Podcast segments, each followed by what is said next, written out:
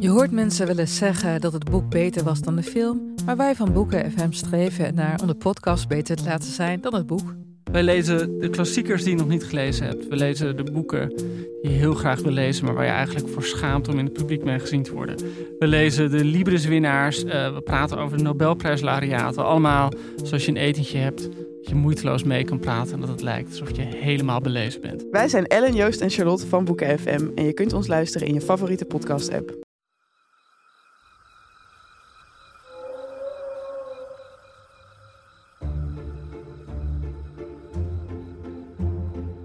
Oké, inmiddels ken je denk ik het verhaal wel. De dinosauriërs die kwamen lang geleden op in het Trias. Ze groeiden in de 160 miljoen jaar daarna uit tot koningen van de wereld, heersers van het paradijs. Ja, er was eigenlijk niets wat giganten als Brachiosaurus of T-Rex nog kon bedreigen. Toch?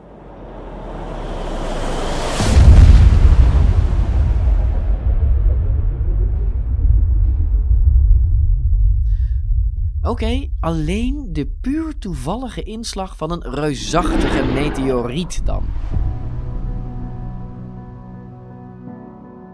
Ja, in onze aflevering 8 van het eerste seizoen van DinoCast hoorde je al hoe de aarde in de uren, de dagen en de maanden na die inslag veranderde in een complete hel. Driekwart van alle soorten planten en dieren op aarde verdween voorgoed. Dat weten we inmiddels. Maar wat we nog steeds niet goed weten is waarom de ene soort wel wist te overleven en de andere niet. Dat blijft een grote puzzel.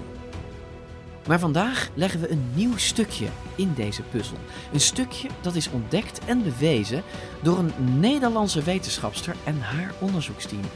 Melanie During werd even wereldnieuws met haar verhaal. En terecht. We'll learn of new findings where scientists have analyzed which season and even which month the asteroid struck Earth.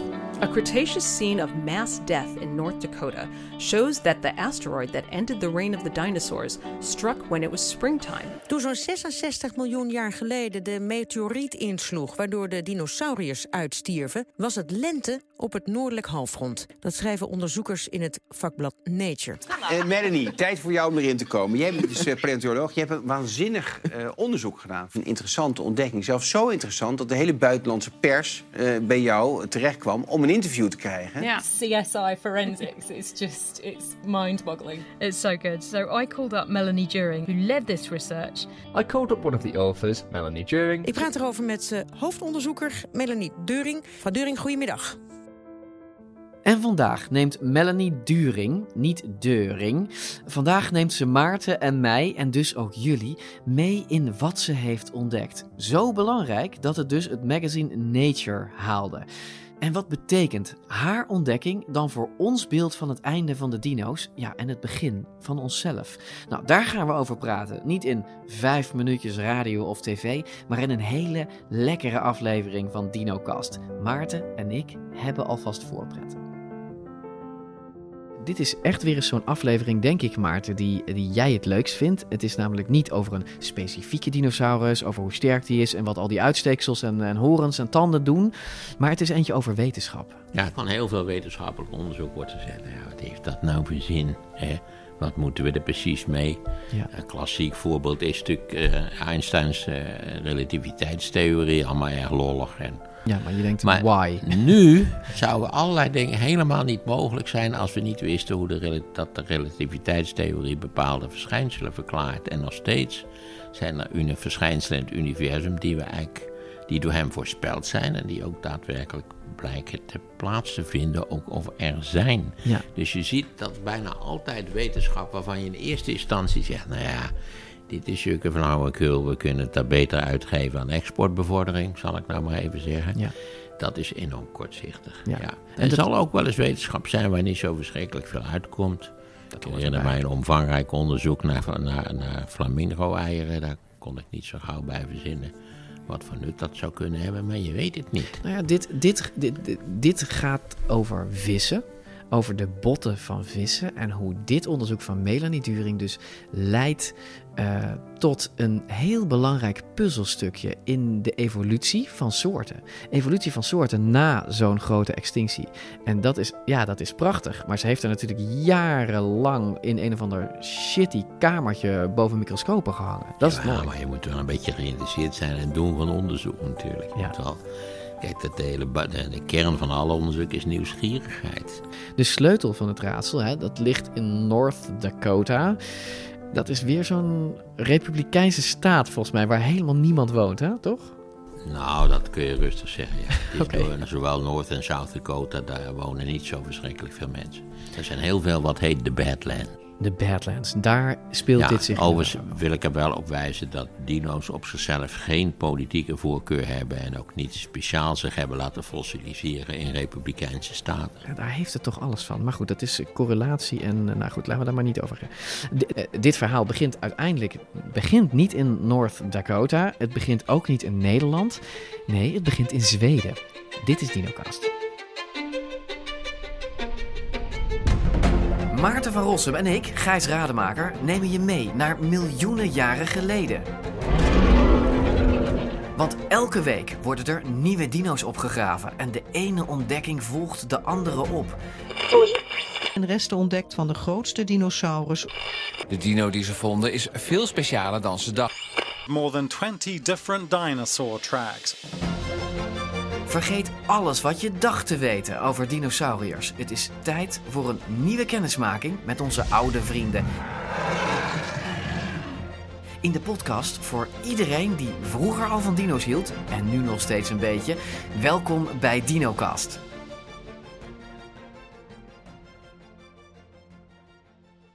Nou, ik ben uh, uh, Melanie During. Ik ben een uh, PhD-student uit Uppsala uh, in Zweden. En uh, mijn afstudeeronderzoek daarvoor ben ik uh, naar North Dakota gegaan. Tennis heet dat. En daar heb ik lepelsteuren en steuren onderzocht. Die zijn overleden op de dag en, en doordat de meteoriet insloeg die de dinosauriërs deed uitsterven. Hmm, hoorden jullie dat ook? We zetten dat onderzoekje van Melanie even op hold. Eerst moeten we weten wat hier aan de hand is met Uppsala. Ik probeer haar even subtiel het woord te laten herhalen. Je bent een Nederlandse paleontologe, maar je woont niet in Nederland. Je woont in... Zweden, in Uppsala. In Uppsala. Ja, is ongeveer een uh, uurtje ten noorden van Stockholm. Maar Uppsala, Maarten, ik kijk gelijk naar jou. Ja, ik zei Uppsala, maar nu begrijp ik dat het uh, eigenlijk ook het woord zelf de suggestie biedt dat het Uppsala is, omdat up is, is naar boven toe. Ja. En Sala had iets met wonen te maken. Ja, een dwelling, een, een plek waar mensen nou, wonen. Kijk, ja. dus het is een woning in de hoogte. Ja. Dus het is Uppsala. Ja.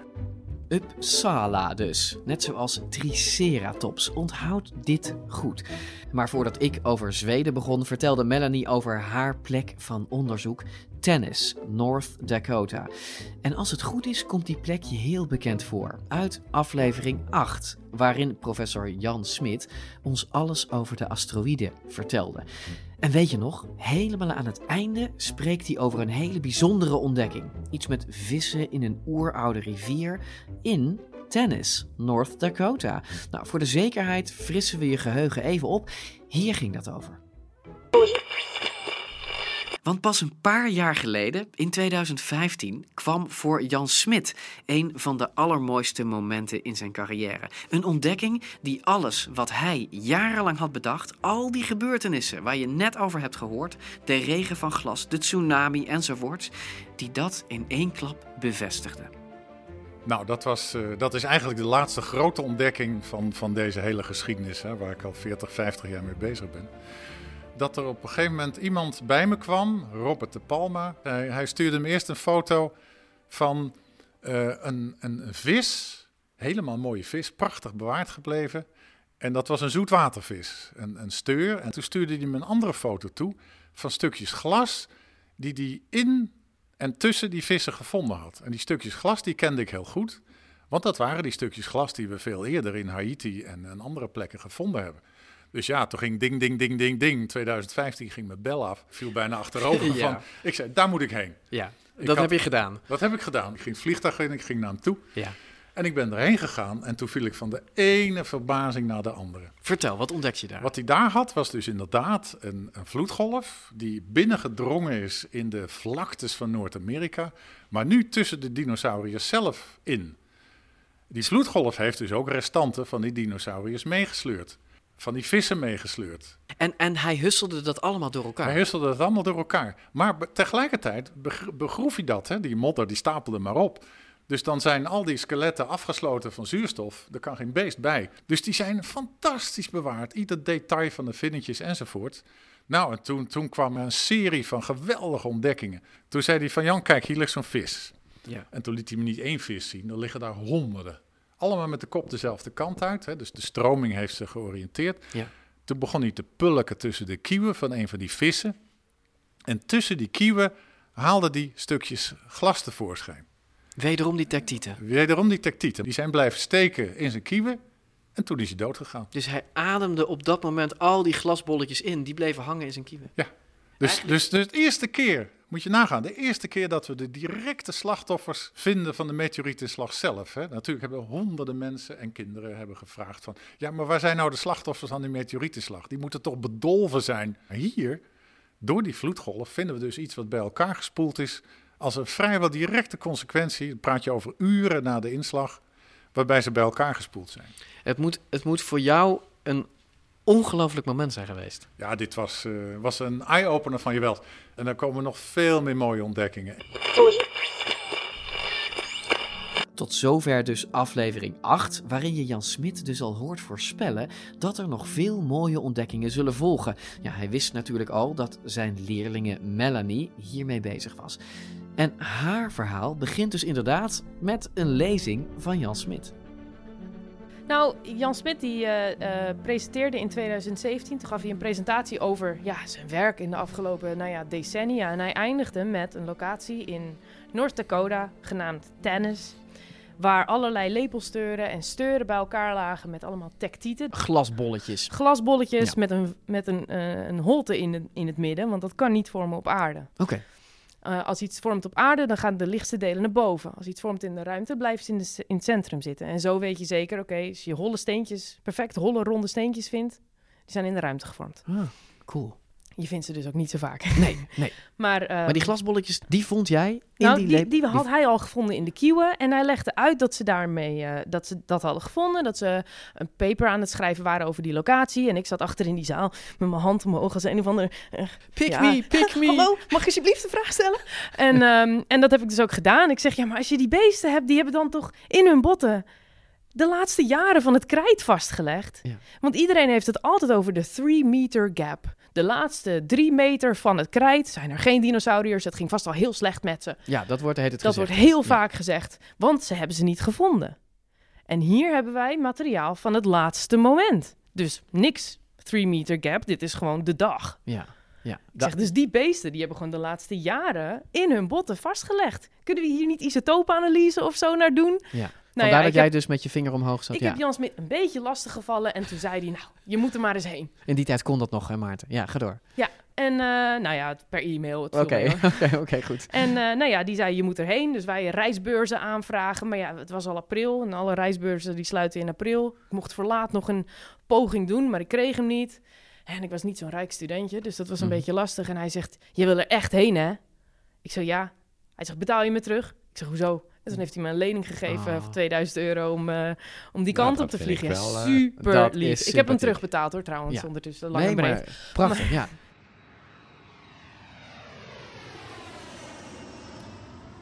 En dus vloog Melanie naar de Verenigde Staten, naar Tennis, een opgraving ergens in North Dakota. Stel je een uitgestrekt grasland voor. Een niemandsland met zo nu en dan heuvels. Nou ja, heuvels, meer uitstulpingen in het landschap. En een van die uitstulpingen was dus 66 miljoen jaar geleden de oever van een grote prehistorische rivier. Ja, of beter, de resten van die oever, nadat de rivier zich opeens woestgolvend op het land had gestort. Het ziet er echt uit als een deken van een afzetting op een bank van een rivier.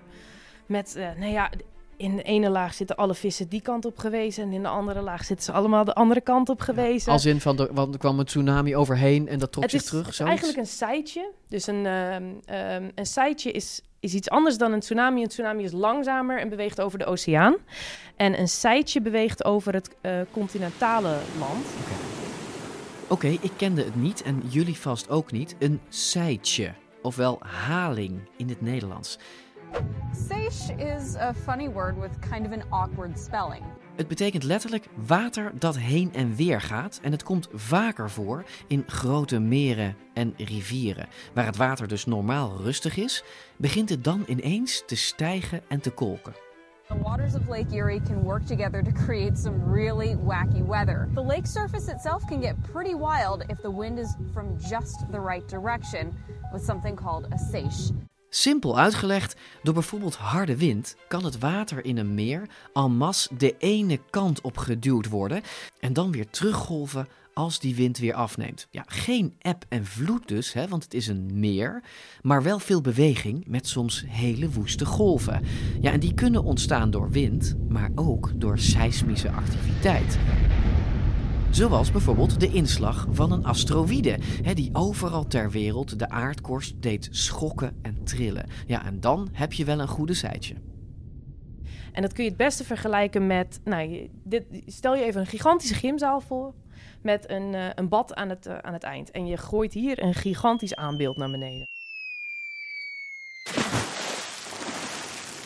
Het water in dat bad gaat klotsen, heen en weer. Ja. Dat is een seitje. Dat is het. Dus het water kwam binnen en ging terug. En kwam binnen en ging terug. En dat is waarom die vissen in twee richtingen liggen. Ik heb er zelf zeven opgegraven. En je- ik heb van allemaal tectieten in de kieuwen gezien. Ja, en hè, Jan Smit legde het al uit, maar kun je nog één keer uitleggen voor mij hoe die, eh hoe die tectieten, eh, die, die glasbolletjes in die kiwi terecht zijn gekomen? Nou, het zijn filterfeeders. Het zijn, eh, zij, zij zeven als het ware hun eten uit, uit het water vandaan. De steuren en de, de lepelsteuren, paddlefishes in het Engels, ehm, die s- ja, houden eigenlijk gewoon hun mond open en, en pakken daarmee foraminiferen en, en, en andere kleine kalkbeestjes. En die vreten ze daarmee op. En ze waren dus aan het fourageren, aan het eten, op het moment dat die eh, glasbolletjes in het water vielen. En die eerste die zijn gewoon in hun kieuwen beland en toen ja, liep het dicht. Liep het vast. En, en ja, zaten ze vast in die En op golf. het moment dat die glasbolletjes naar beneden vielen, hoe lang is dat na de inslag van die 15 asteroïde? tot 30 minuten. Minuten. Oh, razendsnel. Razendsnel, ja. En Echt, ook die golf kwam met ongeveer 15 tot 30 minuten binnen. Aha. Dus dat zijn echt, eh, het is allemaal binnen het uur na de inslag. Ja. Het is zo grappig, hè? Je, ze gaat er anders bij kijken als ze erover praat. Dat, ja, nee, maar Een dat lekker is, inslagje. Ik word enthousiast van drama. duidelijk. Het was een Nou, het moet, bloedbad. het, het moet wel dramatisch zijn geweest. Nee, Ja, maar- precies. En het is, het is tegelijkertijd is het natuurlijk een, een, een exacte snapshot, een foto van wat er, wat er En op dat op- moment was op En aarde. je moet je voorstellen, ik ben een geologiestudent. Ik heb het altijd gehad over ah, ongeveer zoveel en een half miljoen jaar oud. Dat was de Ja. hoogste resolutie waarin ik ooit kon spreken. En dit is eh, 66 eh, miljoen jaar geleden op die dag. En je hebt het over minuten. Ja, Ja. Want die ja. dag die valt ook bij wijze van spreken ook te lokaliseren. Nou, de dag zelf, ja, daar moet, moeten we een, een record voor zien te vinden. Ik sluit het niet uit. Als daar een mooie schelp die een dagelijkse afzettingslaag vormt, eh, wordt Dat je- gevonden, dat je- dat je het dan, kun je dat, dan kun je dat doen. Maar, en, maar ik sluit ook niet uit dat dit niet de enige plek gaat zijn. Want die sitejes die moeten vaker spoor zijn gekomen. Ja, want dit is, was dus North Dakota, als ik het Ja. begreep.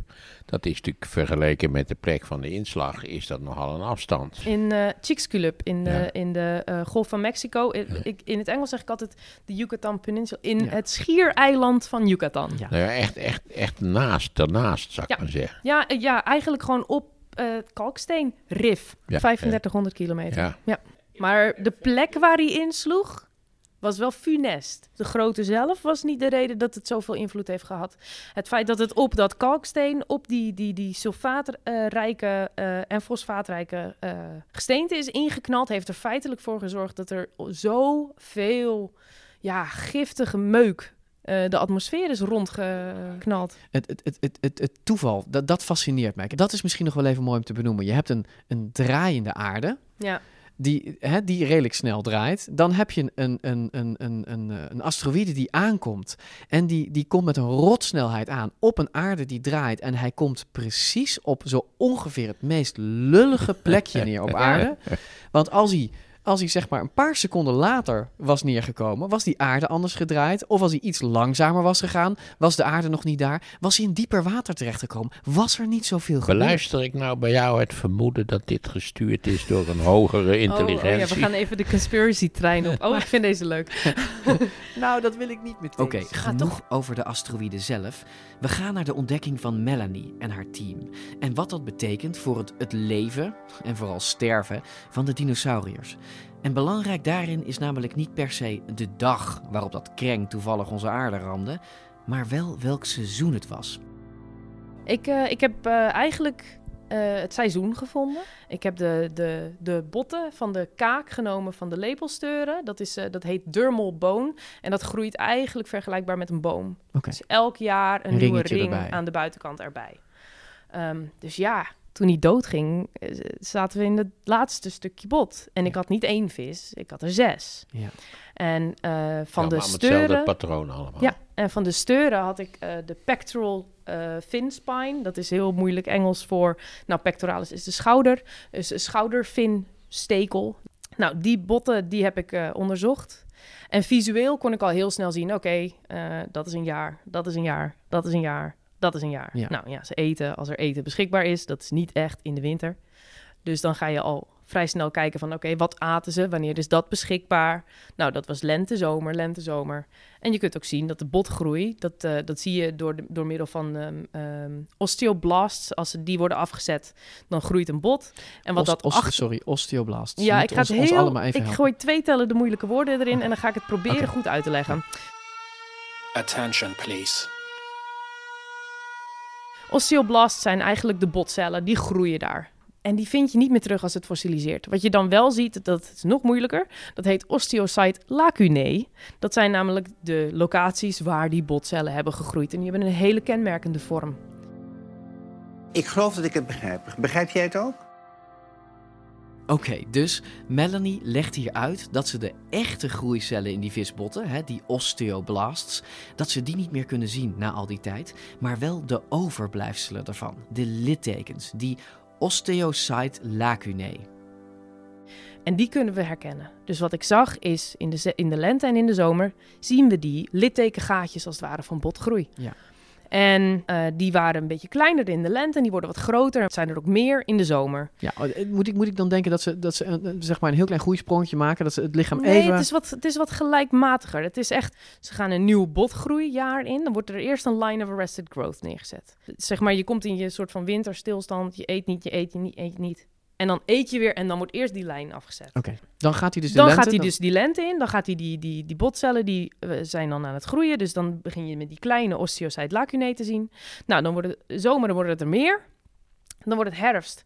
Dan gaat hij weer langzaam groeien, want dan eet hij bijna niet. Tot weer de lente begint en gaan we het volgende jaar in. Dus je kan ook binnen die jaarringen, kun je de groeisnelheden zien... Ja op de manier die jij net beschreef. Ja, en je kunt ook zien dat niet elk jaar precies hetzelfde is en dat het Dus- per dus dier wel een dus- beetje varieert. Dit zijn dieren die alsmaar doorgroeien. Hè? Deze dieren groeien alsmaar door. Ja, Anders precies. dan wij bijvoorbeeld. Ja, anders had ik er geen donder aan gehad. Dus, dus, als, je dus als ze overleden zijn op een bepaald punt, dan kun je ook dus zeggen, als je naar die botten kijkt, eh, dit moet zijn geweest in het vroege voorjaar. Ja. Of dit moet zijn geweest in Ja. het late najaar. Nou ja, kortom, je kunt het seizoen bepalen. ja, en dat heb ik gedaan. Maar ik heb het wel geverifieerd. Want we vonden het toch een beetje eng om dat alleen visueel te doen. En hoe verifieer je dat? Nou, ik heb van één van de lepelsteuren, heb ik van de laatste eh, zes jaar, heb ik uh, koolstofisotopen uh, verhoudingen gemeten in, in die, dat hele traject. En wat ik zie is dat, nou, je moet het even zo zien. Die kalkbeestjes die ze eten, Sorry Melanie, maar ik vat het even samen. Eerst heeft ze dus via de microscoop de jaarringen in die visbotten bekeken, hè, dat hoorde je net. Maar daarna heeft ze dus ook nog gemeten welke stoffen die vissen op welk moment binnenkregen. Ja, ook dat is nog meetbaar in het bot. De hoeveelheid koolstof 13 zegt bijvoorbeeld iets over het moment waarop die vissen aten. En wat ik zie in deze lepelsteur is dat als lente-zomer gaat, dan wordt koolstof 13 gaat omhoog. Herfst-winter, koolstof 13 gaat omlaag. En zo kun je dat dus niet alleen visueel bevestigen, zeg maar onder de microscoop. Maar dat ook je ziet geochemisch. maar Ja. ook geochemisch, omdat je kijkt naar de stoffen die op dat moment worden afgezet in die laagjes. Ja. En ja, als je dan kijkt naar het laatste laagje wat de vissen in hun bot hadden voordat ze doodgingen, dan zie je dus dat het lente was. Hoera, we weten het seizoen. So, um, what happens now? Even, eh, dit bedoel ik niet lullig, maar gefeliciteerd, we weten het seizoen. Wat nu? Nou ja, dat was eerlijk gezegd mijn eerste reactie toen ik begon aan dit onderzoek. Dus ik, ik had eh, eerst zelf ook zoiets. Maar de, dit is de meest selectieve massa-extinctie in de geschiedenis van de aarde. En misschien komen we hierdoor wel ietsje dichter bij de verklaring waarom het nou zo selectief is geweest. En met selectief bedoel jij de ene soort stierf wel uit, de andere niet? Nou, soort is al wat, wat, wat kleinschalig. Groepen bedoel ik echt. Want kijk, als jij kijkt naar de boom des levens, dan wordt er gewoon één tak van de boom des levens gewoon compleet afgehakt. namelijk, tak. De, namelijk de sauriërs. Ja, precies. En, en vooral de niet-vliegende dinosauriërs, want we hebben nog ongeveer 10.000 soorten over. Ja. Maar die hebben een flinke optater gehad überhaupt. Ja, voor de duidelijkheid dus. Het is niet zo simpel dat de dino's uitstierven en de andere dieren niet. De hele natuur, hè, planten en alle andere soorten dieren, kreeg zo'n optater. Maar, en dat blijft een hele moeilijke vraag, waarom overleefde het ene dier nou wel en het andere niet? As much as three quarters of Earth's plant and animal species were wiped out in the aftermath of the catastrophic impact of an asteroid or comet. Some animals actually survived that mass extinction. While terrestrial dinosaurs and marine reptiles all disappeared during this event, many species, including freshwater animals and our mammalian ancestors, survived at much higher rates, and for years the causes of certain species' survival has baffled scientists. Okay, so what animals could have outlived the ferocious Tyrannosaurus rex or the amazing pterodactyl? Yes, a turtle. Not only that, but lizards, snakes, small animals, sharks, and platypuses. How is this possible? Sure, sharks are tough and all, but not nearly as tough as a plesiosaur. Wat heeft een ordinaire zeeschildpad dat een stoere plesiosaurus of een Tyrannosaurus rex niet heeft? Waarom vielen die machtige grote dieren allemaal om en overleefden er niet eens een paar? Het is zo lastig te begrijpen en jarenlang puzzelen we dus al op die ene vraag. Ja, en nu ga je de waarde van Melanie's ontdekking zien. Het was lente toen de ramp plaatsvond. Ja, lente op het noordelijk halfrond, niet op het zuidelijke. Daar was het herfst, bijna winter. En ja, dat maakt dus een groot verschil. Als we het noordelijk halfrond met het zuidelijk halfrond vergelijken, dan zien we ook dat op het noordelijk halfrond heel veel groepen zijn die weg zijn gevallen. En op het eh, zuidelijk halfrond lijken er wat minder te zijn. En opvallender ook is dat op het zuidelijk halfrond lijkt het herstel veel sneller weer op te starten dan op het noordelijk halfrond. Moet ik wel even de disclaimer bijgeven. Er wordt zoveel meer onderzoek gedaan naar het noordelijk halfrond dan naar het zuidelijk halfrond. Het heeft er deels mee te maken dat het zuidelijk halfrond heel veel arme landen zijn waar mensen geen onderzoek doen Ja, ja. of kunnen doen. Dus dat is wel een, een factor die je mee moet wegen. Oké, we zien dat die inslag een massa-extinctie, hè, een massale uitsterving van soorten veroorzaakt. Maar we zien ook dat dat dus niet op elke plek even erg is. In het huidige Amerika, Europa en Noord-Azië lijkt de schade veel groter te zijn dan op het zuidelijk halfrond. En daar herstelt de natuur zich na de ramp ook sneller dan in het noorden. En wat Melanie en haar team nu hebben ontdekt, is dat de staat waarin de natuur zich op dat moment bevond, dat die van grote invloed was. Deze extinctie en heel veel extincties beginnen eigenlijk vanaf de planten omhoog. De voedselketen stort gewoon in vanaf vegetatie. En in de lente heb je op het noordelijk halfrond alle planten in de bloei staan. Ja. Iedereen gaat lekker de hort op en begint lekker ervan te knabbelen. Terwijl op het zuidelijk halfrond is de herfst, de blaadjes vallen van de bomen, alles gaat in rust. Dus voor op het zuidelijk halfrond, dieren die gewoonlijk in hyper, hibernatie, in, in winterslaap zouden gaan. Wij noemen dat ook wel een staat van torpor, want het zijn niet alleen zoogdieren die dat doen. Ook amfibieën, vogels, reptielen. Hun systeem schakelt eigenlijk Ze bijna gaan uit, gewoon, Ja, ze gaan gewoon op, Ja, dat op, blijft op van de stof. standby. Standby, dat is een goed... van de eh, stofwisseling blijft eh, Ja. nauwelijks iets over. Nou, maar je ziet het ook wel eens als het plotseling vriest in Florida. Dan zie je al die, eh, die alligator snuitjes net boven het water, of net boven de ijslijn. Ja. En die leven gewoon nog.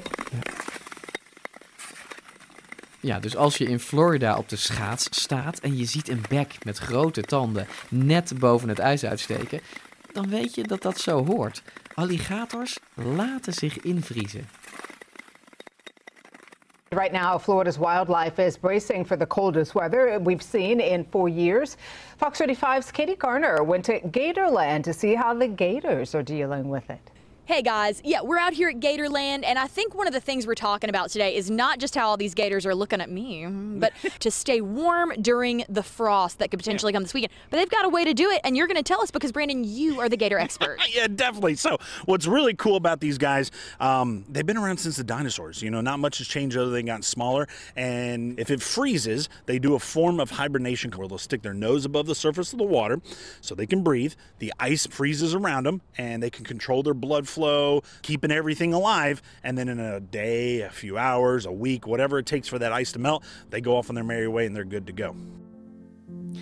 Ja, de alligators die schakelen zich dus bijna volledig uit op zo'n moment. En Melanie zei het al, heel veel dieren doen dat. Soms zelfs elke dag. Muizen, gierzwaluwen of kolibries, die schakelen zichzelf echt tijdelijk uit als ze in rust zijn. Nou, en de langere periodes van torpor, die ken je. Dat heet winterslaap of zomerslaap. Dieren besparen daarmee dure energie in tijden van voedselschaarste of extreme hitte of kou. En Melanie's punt is dus dat de dieren die zich lekker hadden volgegeten in hun holletjes en die in winterslaap gingen, dat die enorme mazzel hadden toen die meteoriet insloeg. Er zijn heel veel dieren die dat kunnen doen. Maar in herfst zijn er heel veel dieren die dat uit zichzelf al gaan doen. En je moet het zo zien. Op het moment dat die meteoriet inslaat, die, die tectieten die komen naar beneden, je hebt die infraroodradiatie die over de hele aarde heen scheert. Als jij op het oppervlakte loopt, ben je dood, klaar. Ja, ja. Dus als jouw hele groep dat doet, Ja. dan ben je weg.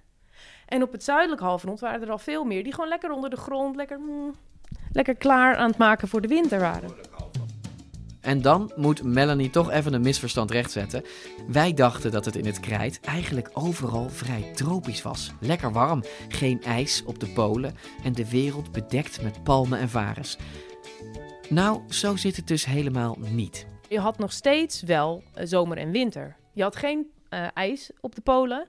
Maar wat we bijvoorbeeld hebben gemeten van onder andere de Hell Creek, dus de locatie waar tennis ook eh, zich in bevindt.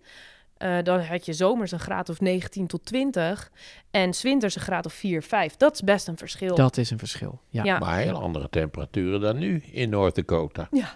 Ja, Ja. wat daar vriest het st- eh, 's winters tegenwoordig 25 Ja, graden. en toen ik er aan het En graven was, was het er niet te harde- 45 is het graden. niet te Ja. harde. Ja, Ja. maar Ik, ik had dus een beetje de indruk dat in het krijt dat het allemaal dichter bij elkaar lag. Dat het geen 4 graden werd of zo. Of dat het geen. Nee, het dat werd, wel, het, dat werd, het, werd, het werd wel koud hoor. Ja. En het kon ook vriezen hoor.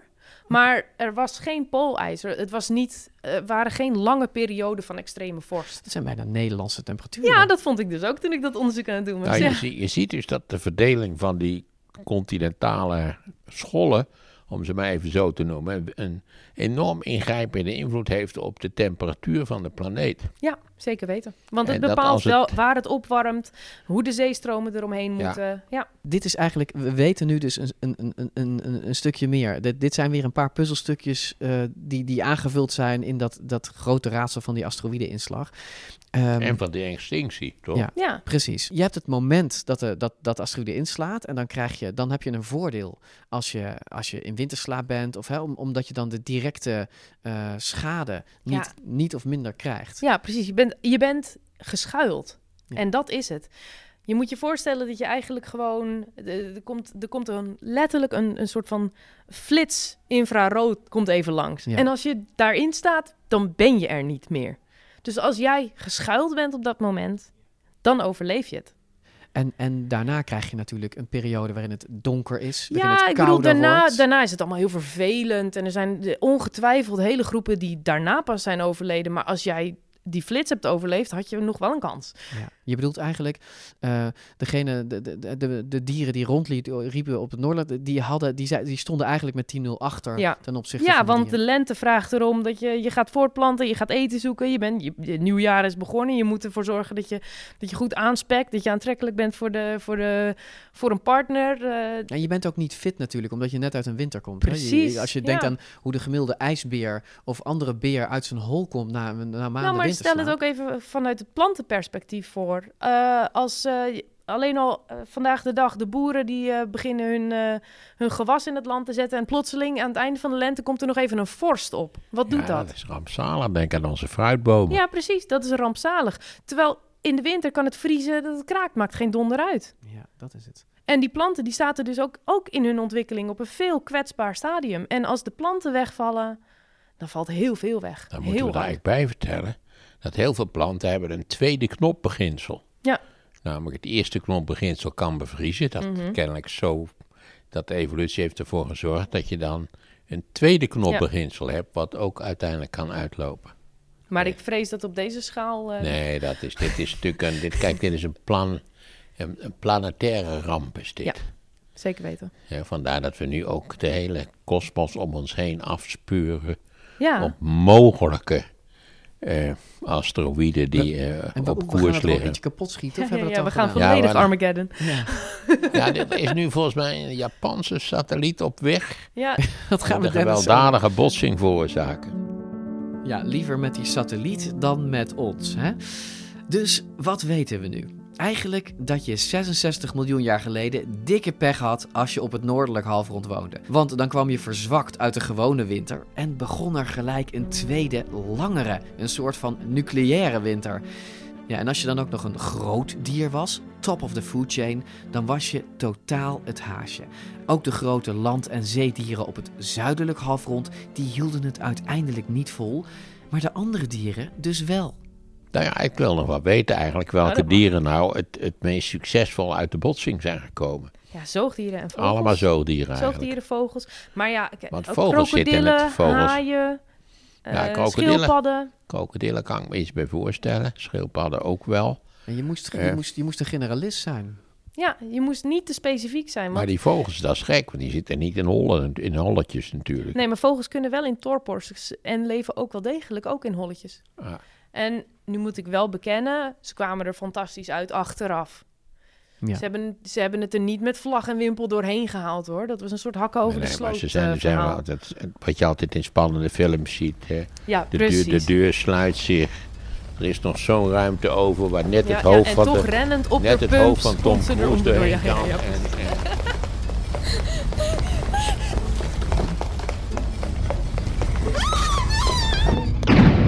het loopt goed af. Dus dat is het. Ja. Dus de vogel die kwam net, die rolde zich Ja. gewoon net onder die deur Dat door is voordat hij bam. Maar Ja, Melanie heeft gelijk. Dat was een hele lucky escape voor de vogeldino's. Maar de vogels die wisten niet alleen te ontsnappen aan de gevolgen van de asteroïden. Nee, ze slaagden er ook in om de vreselijk donkere tijd daarna te overleven. Most dinosaurs were wiped out, but one group survived. These were the avian dinosaurs, which most of us know as birds. So, why were birds the only dinosaurs that survived? En daar zijn, behalve wat Melanie al noemde, nog drie theorieën over. Allereerst waren de vogels die overleefden klein van stuk, categorie van een flinke kraai of nog kleiner. En kleine vogeltjes planten zich snel voort. En hoe sneller je kids krijgt, hoe makkelijker je je ook aanpast aan die nieuwe, barre omstandigheden. En als je klein bent, hoef je ook niet zoveel te eten. En de overlevers, die aten waarschijnlijk van alles. Bessen, fruit, zaden, vis en insecten. En als je zo veelzijdig bent, is er altijd wel iets te vinden. Ik geloof dat ik het begrijp. Nou, en de laatste reden is duidelijk. Dat is Because they could fly. Flying takes less energy than walking or running to travel long distances. So birds could easily escape the bad conditions and find new food sources and safer places to live. Maar het is ook opvallend hoeveel vogels er beter vanaf zijn gekomen op het zuidelijke halfrond. En hoeveel van de moderne uh, lineages of uh, uh, linies van vogels eigenlijk van het zuidelijke halfrond afkomstig zijn. En het zou me niet verbazen als dat te maken heeft met het verschil tussen de, de, de uitstervinggolf op de halfronden. Ja, omdat, omdat vogels natuurlijk ook torper hebben en ook in holletjes kunnen zitten. En Ja, en maar op het noordelijk halfrond waarschijnlijk dat niet aan het doen waren. Dit, dit, dit is de Die derde grote. bouwen. dit is de derde grote extinctie, toch? Of niet?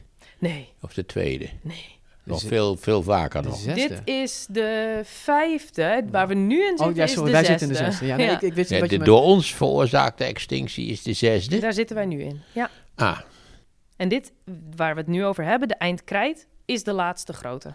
Maar de be- beroemdste. Maar de extinctie waar wij nu in zitten... Ja, Melanie, dan heeft het geen zin of we nou op het noordelijk of... Nou, waarschijnlijk is het positiever dat we op het noordelijk halfrond zitten. Ik weet het niet. Ik vind het e- erg lastig. Ik denk dat als eh, Antarctica inderdaad zo, eh, zo, zo hard nu gaat smelten als het erop lijkt, dat het eigenlijk weinig uitmaakt waar je zit, dat je beter hoog kunt zitten. 70 meter als het allemaal smelt. Wacht Ja. even voordat de kijkers nou thuis zitten en zeggen Dat dat gaan ze- jullie niet meemaken. Nee, dat gaan we niet meemaken. Niet waar. Dus ik heb het aan mijn kleinkinderen ook al uitgelegd. De stijging van de zeespiegel, die over de komende eeuw maximaal een meter is. En dat moeten we nog maar zien of het dat wordt. Dan is mijn oudste kleinkind is 97. Oké. En dat, dus, dus dat kleinkind is nu nog heel dat klein. hè? waarmee ik over zijn zaak niet wil bagatelliseren. Nee, nee, nee, het blijft het enige en wat ik probeer duidelijk te maken is dat de tijdmaat waarop de wereld functioneert en al die processen waar wij het nu over gehad hebben, een totaal andere is Ja. dan die van het menselijk leven. Precies. Dus aan de ene kant zullen we het nooit weten. Aan de andere kant is het toch een beetje een happy end, Maarten. Dankjewel. Dankjewel, Melanie, voor het delen van je onderzoek. Ja, graag gedaan. Bedankt voor de uitnodiging. Ja, mooi onderzoek. Lijkt me ook leuk. ja, om ik vond te het doen. ontzettend leuk om te doen. eh, Ja. ja.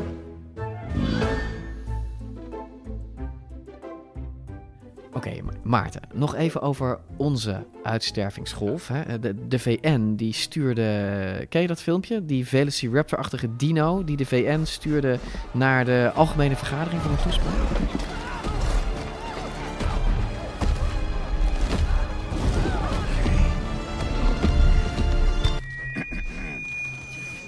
Listen up, people. I know a thing or two about extinction. And let me tell you, and you'd kind of think this would be obvious, going extinct is a bad thing. And driving yourselves extinct? In 70 million years, that's the most ridiculous thing I've ever heard. At least we had an asteroid. What's your excuse? You're headed for a climate disaster, and yet every year governments spend hundreds of billions of public funds on fossil fuel subsidies. So here's my wild idea. Don't choose extinction. Save your species before it's too late. It's time for you humans to stop making excuses and start making changes. Thank you.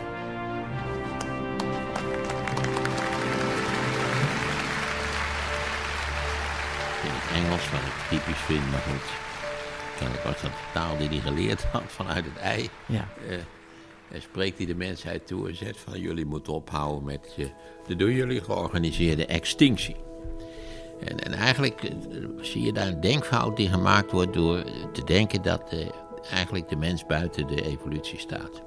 De mens is een product van de evolutie. En alles wat wij doen en wat wij met de planeet aan het doen zijn en hebben gedaan, is ook allemaal een onderdeel van de evolutie.